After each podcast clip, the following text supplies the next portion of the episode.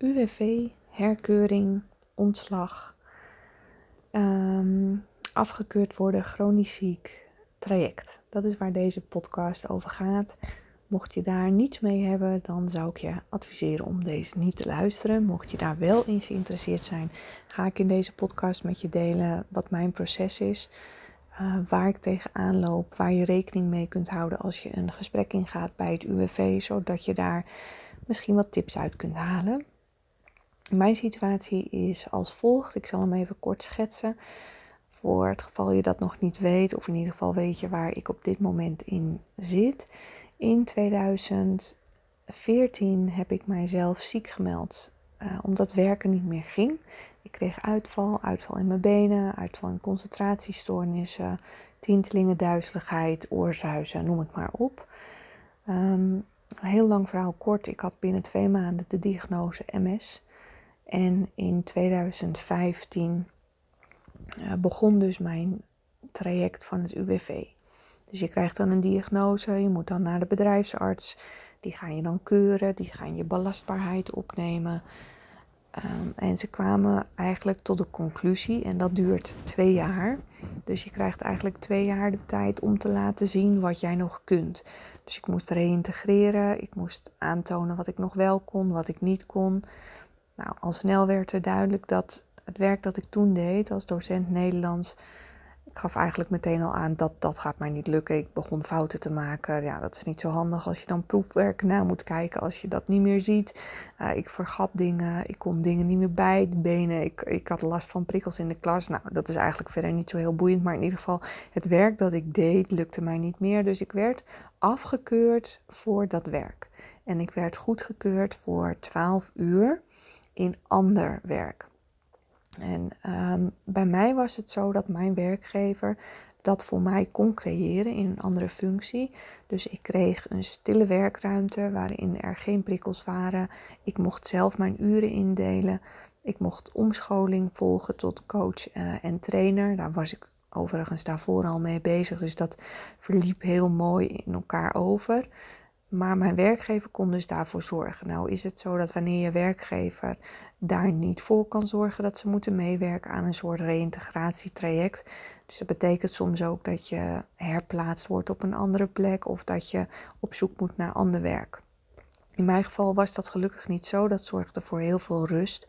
Aan de andere kant belandde ik toen wel in een heel groot acceptatieproces, omdat ik het ontzettend moeilijk vond dat Ehm, wanneer je altijd gewerkt hebt en een bepaalde positie hebt gehad in je werk, waarin ik toen best wel een belangrijke rol had. Ik deed veel in werkgroepen. Ik was een, een, actieve, een actieve docent, um, ook naast mijn werk. En op een gegeven moment um, kon ik dat allemaal niet meer. Dus ik verloor mijn positie in de Ehm, vakgroep. Ik verloor mijn positie in de werkgroepen. En dat vond ik een hele moeilijke periode. Dat ik eerder weg moest van school. Ik had het idee dat iedereen uh, daar gedachten over had. Nou, dat waren natuurlijk achteraf gezien allemaal mijn eigen gedachten. Dus ik ben mezelf toen enorm tegengekomen in dat proces. In mijn eigen oordelen die ik had over mezelf. En hoe erg ik bezig was met wat de omgeving van mij vond. Nou, dat heeft verder niet zo heel veel met dit verhaal te maken, maar als je ziek wordt of uh, je krijgt te maken met een burn-out of wat dan ook, beland je vaak in een proces dat je heel erg um, ja, met jezelf uh, geconfronteerd wordt. En uh, dus als jij nu luistert omdat je in zo'n UWV-traject zit of in een afkeuringstraject, heb je ook hiermee te maken. Er komt altijd een moeilijke situatie voorbij en ik zeg altijd, die moeilijke situatie, die nodigt je uit tot groei. Die nodigt je uit tot transformatie. Maar als je daarin zit, kan het erg pittig zijn. Ik adviseer je altijd om daar hulp bij in te schakelen. Heb ik toen zelf wel gedaan. En dat heeft mij echt ontzettend geholpen om die spiegel voor te houden, uh, te krijgen. En om jezelf gewoon zo goed te leren kennen. Uh, ik had toen een ervaringsdeskundige coach ook, die zelf chronisch ziek was. En die begreep mij heel goed. Dus die begreep al mijn problemen waar ik tegenaan liep. Als ik zei van ja, ik ben nu naar school, de prikkels zijn me zoveel. En het lukt me gewoon niet. Kon zij dat snappen? Zij kon snappen dat ik het moeilijk vond om weg te gaan. Zij kon snappen dat ik het moeilijk vond dat collega's niks aan mij aan de buitenkant konden zien. Nou, al die dingen, al die processen, daar ga je dan om doorheen. Uh, en ook elke keer als je dus bij het UWV of bij een bedrijfsarts of bij een keuringsarts komt, uh, word je geconfronteerd met wat je niet kunt. En dat um, is vaak iets wat we hoe zal ik dat zeggen? Vaak zetten we ons beste beentje voor. En dat deed ik zelf ook altijd. Dus als ze aan mij vroegen hoe ging het, dan ben ik iemand die me altijd heel erg heeft proberen te blijven focussen op de dingen die goed gaan. Omdat ik er niet blij van werd om me te focussen op de dingen die ik niet meer kon. Dus wat ik deed was elke dag opschrijven wat er goed was gegaan, waar ik dankbaar voor was, waardoor ik een eigen leven creëerde waarin ik mezelf heel erg blij voelde. Alleen op het moment dat jij bij een bedrijfsarts terechtkomt, die dus vraagt hoe het met jou gaat, dan is mijn advies om uit te gaan van je slechtste dag. Omdat wanneer ik bijvoorbeeld zou beschrijven, nou, het gaat hartstikke goed en ik kan dit en ik kan dit.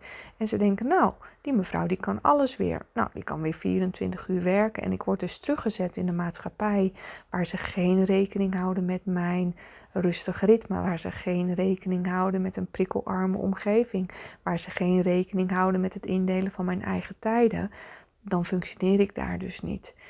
En het helpt dus als je zo'n gesprek ingaat om heel duidelijk voor jezelf op papier soms te hebben. Het kan heel erg handig zijn om dat echt op papier te hebben. Van hoe ziet jouw dag er nou uit op je slechtste dag?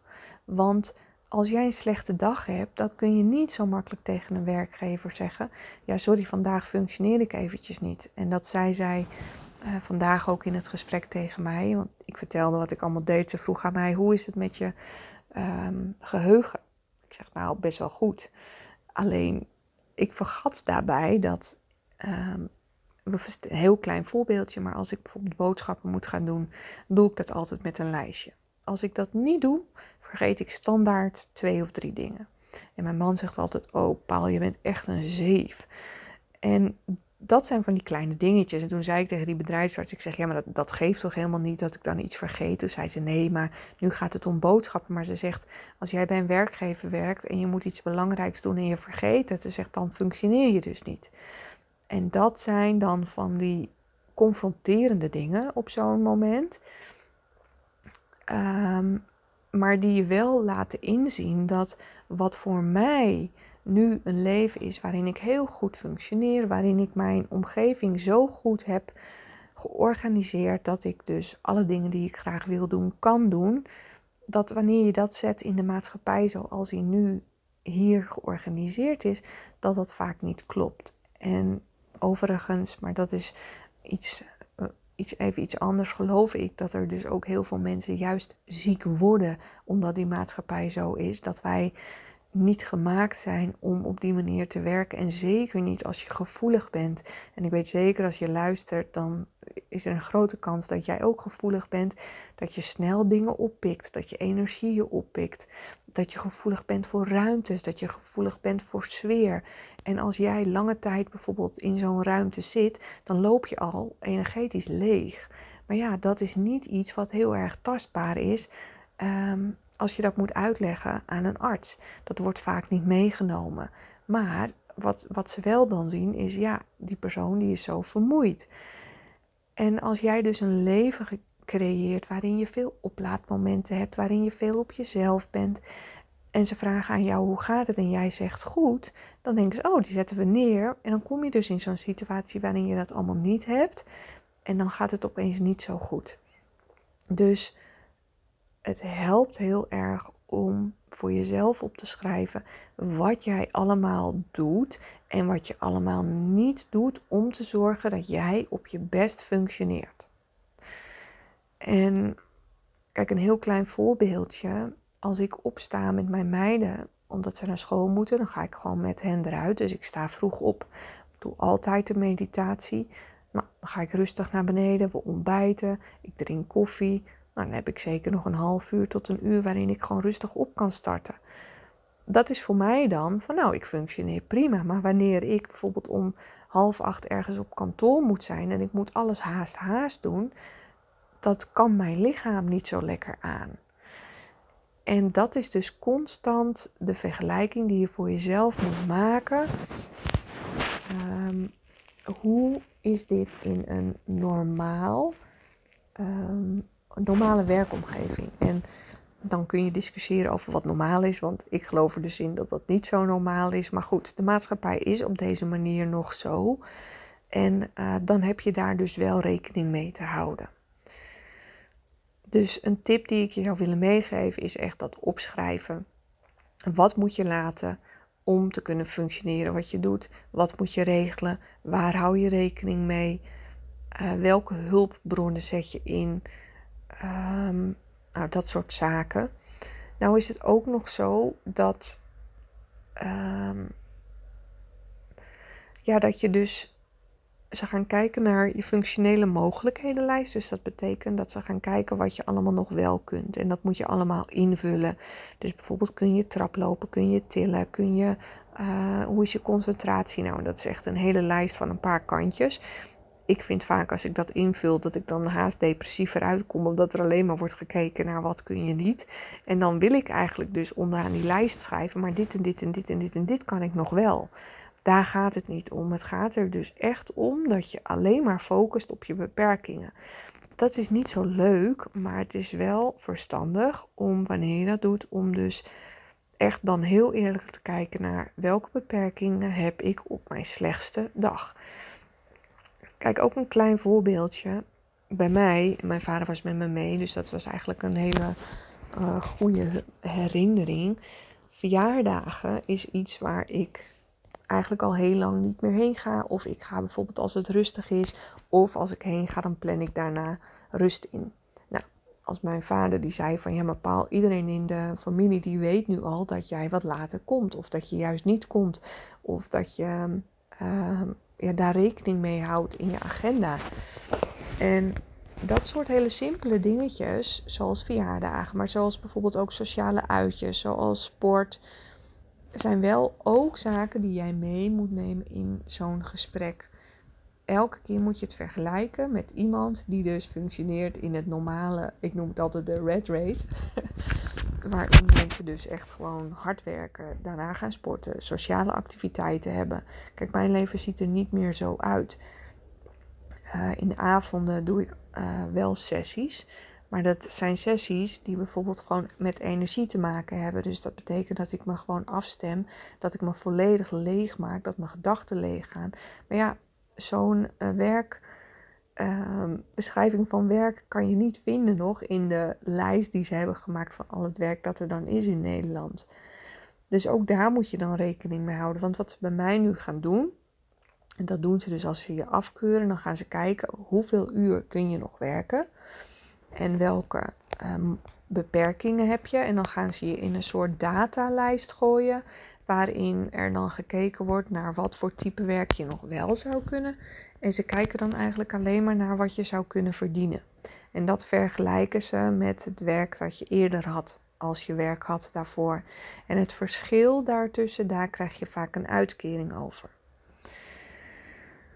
Um, nou is het zo wanneer je voor jezelf gaat beginnen, zoals ik dat nu heb gedaan, dat alles wat je verdient, dat geef je op aan de belasting en dat wordt afgehaald van um, van je uitkering.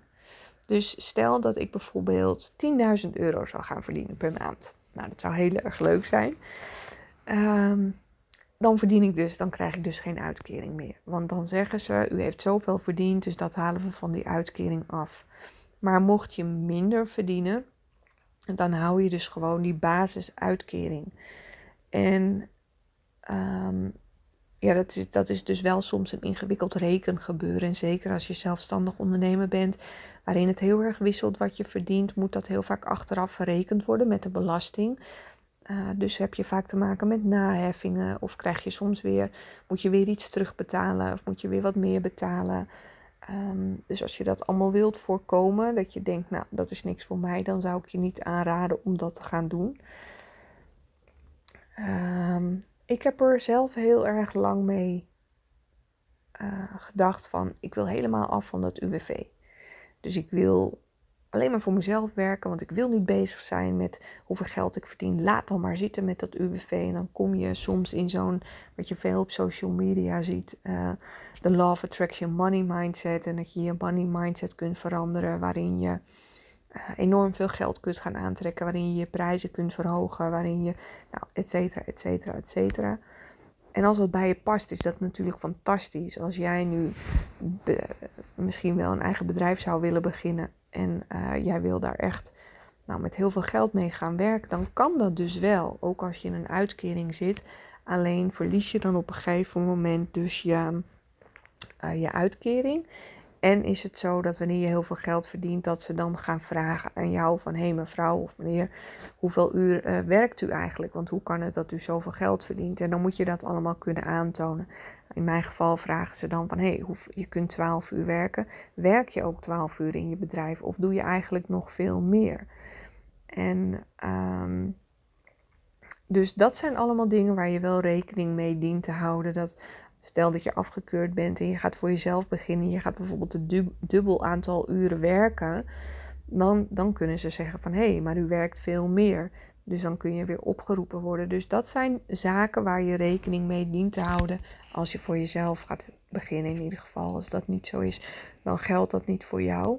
Ehm, maar zelf heb ik dat wel als een uitdaging gevonden, omdat je in het begin natuurlijk, eh, als je begint met je bedrijf, ben je heel veel bezig. En heb ik soms wel de, uh, weken gehad waarin ik dus bijvoorbeeld meer uren werkte.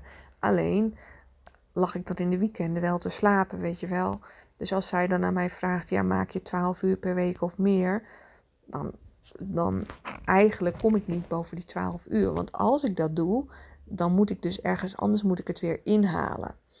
En dat zijn dus zaken waar je altijd rekening mee moet houden. Dat je ook die momenten waarop je slaapt allemaal meeneemt. Omdat dat niet in het normale bedrijfsleven kan, zeg maar. Ik hoop in de toekomst dat het wel kan. Dus dat we meer zo'n soort bedrijven gaan ehm, creëren waarin dat wel zou kunnen. Maar goed, daar zijn we nog niet. Um, dus ook dat is belangrijk. Dat je dus goed voor ogen hebt je financiële middelen dat je weet dat als je bij gaat verdienen, dat het dus van je uitkering afgehaald wordt. En dat je weet dat als je meer gaat verdienen, dat ze op een gegeven moment je op kunnen roepen om te vragen hoe het zit met je verdiensten. Nou is er ook wel eens tegen mij gezegd van ja, maar je houdt jezelf gevangen hè, binnen het UWV. Dus je bent bang om meer te verdienen, dus hou je jezelf klein. Ik wil dit even met je delen omdat ik dit vaak zie gebeuren. Dat je een soort gek wordt gemaakt in het stukje dat je altijd maar meer, meer, meer moet. En als je dat wil, is dat hartstikke fijn. Alleen, ik zou uh, je voor willen leggen of je aan jezelf die vraag eerlijk wilt zeggen: waar word ik gelukkig van? En ik heb zelf wel een tijdje in dat stuk gezeten waarin ik een soort bewijsdrang voelde. Dus toen ik mijn baan had opgezegd, had ik het idee, nu moet ik echt gaan bewijzen dat ik dit ook echt kan verdienen. Dus het salaris dat ik verdiende op school, dat moet ik nu dan met mijn eigen bedrijf zien, um, op mijn bankrekening zien te krijgen. Maar voor wie? Voor wie wil je dat? Waarom wil je dat? Dus stel jezelf die vraag of je niet vanuit je ego bezig bent, maar of je het echt vanuit je hart kunt doen. En daarnaast, en dat is ook wel een belangrijk iets, kun je, ehm, kun je de innerlijke rust bewaren rondom het financiële stuk. Kijk, in mijn geval heb ik het overlegd hier in mijn thuissituatie en kon ik deze keuze maken. Dus ook al zou mijn uitkering iets naar beneden gaan en zou ik bij wijze van spreken niks verdienen met mijn eigen bedrijf, dan zouden we dat kunnen rennen en was mijn man daar akkoord mee. Als dat in jouw geval niet zo is, of je gaat bijvoorbeeld Um, je hebt heel veel kosten die je moet maken voor bijvoorbeeld je kinderen of in een andere situatie waar je in zit. En je krijgt er al heel veel stress bij het idee dat je dat zelf moet gaan verdienen. Dan kun je jezelf altijd afvragen: wat geldt voor mij? En die vraag is de belangrijkste die jij jezelf altijd moet blijven stellen. Wat werkt voor mij? Word ik blij van veel geld? Word ik blij van meer rust? Word ik blij van een volle agenda? En wat kan er? Wat kan er met mijn lijf? Wat kan er binnen mijn situatie? kan ik het anders organiseren? Wil ik het anders organiseren? Is het angst? Of is het echt zo dat ik van een veilige basis hou? En als je daarin eerlijk naar jezelf kunt blijven, zonder je te veel te laten beïnvloeden door alles wat er online staat, alles wat er gezegd wordt over manifesteren, over geld verdienen, over jezelf genezen, over whatever. Het gaat om jou. Het gaat om jouw leven. Het gaat om het creëren van jouw droomleven. En een droomleven kan net zo goed zijn dat je super blij bent, dat je super dankbaar bent met de situatie waar je in zit, dat je geniet van de dingen die je kunt en dat je elke dag koffie in je tuin drinkt en afspreekt met vriendinnen. Het gaat erom dat je je eigen ego-verhalen leert doorzien, dat je beseft dat je dat niet bent en dat je een keuze hebt in hoe je de dingen wilt ervaren. Maar goed, dat is weer eventjes ehm, hoe ik het leven zie. Um, mocht je nou denken, ik heb meer tips nodig uh, over het UWV. Mocht je denken, ik uh, zou het fijn vinden om begeleiding te krijgen. Weet dan dat je me altijd een mailtje kan sturen. Uh, ik lees veel, ik lees eigenlijk alles altijd wat er gemaild wordt. omdat ik daar blij van word. Ik word er blij van om andere mensen te helpen. Dat is waarom ik ben gaan doen wat ik doe. Dus... Um, Heel veel succes met alles. Dankjewel voor het luisteren.